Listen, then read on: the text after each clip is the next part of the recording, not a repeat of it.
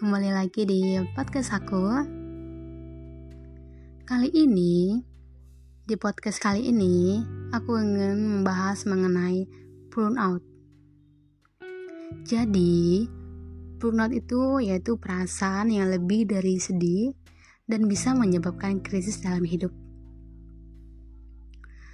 Burnout adalah sindrom kelelahan emosional, depersonalisasi, dan burnout juga memberi dampak yang sangat berkepanjangan terhadap kehidupan. Dan bahkan kesehatan fisik dan mental akan sangat terganggu pastinya. Dan bisa menyebabkan depresi pada seseorang. Apalagi seperti yang kita ketahui juga, untuk bertahan hidup di masa pandemi ini sangatlah sulit.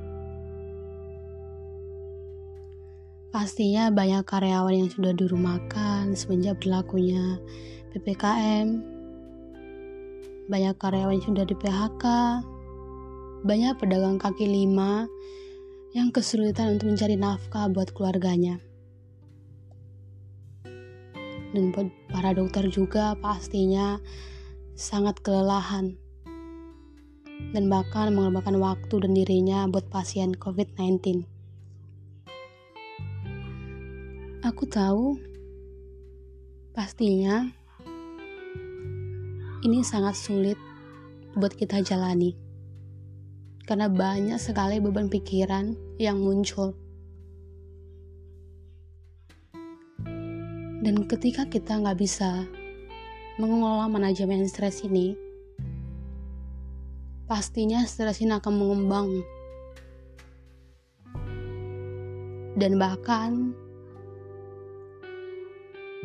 bisa menyebabkan burnout. Jadi, ciri-ciri dari burnout juga yang pertama itu sakit fisik yang di mana sakit kepala, demam, sakit pinggang, susah tidur, letih. Yang kedua, kelelahan emosional, rasa bosan, mudah tersinggung, sinisme, suka marah, gelisah, putus asa, sedih, tertekan.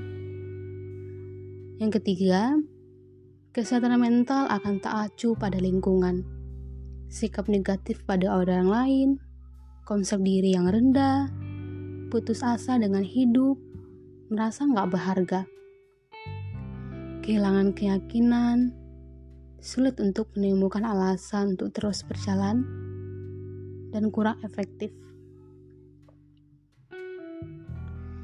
Dan buat kamu yang baca podcast aku, setelah aku sebutkan ciri-ciri dari burnout dan mungkin ketika kalian menyadari kalau kalian itu sedang mengalami burnout atau kalian lagi merasa lelah sedih it's okay itu nggak apa-apa tapi yang pastinya aku perlu ingatin beri waktu sejenak untuk diri sendiri.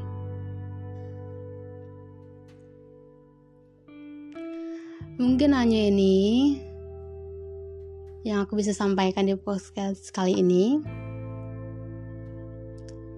Dan aku berharap juga podcast kali ini sangat bermanfaat buat kita dengar. Oke, terima kasih bagi yang udah dengar.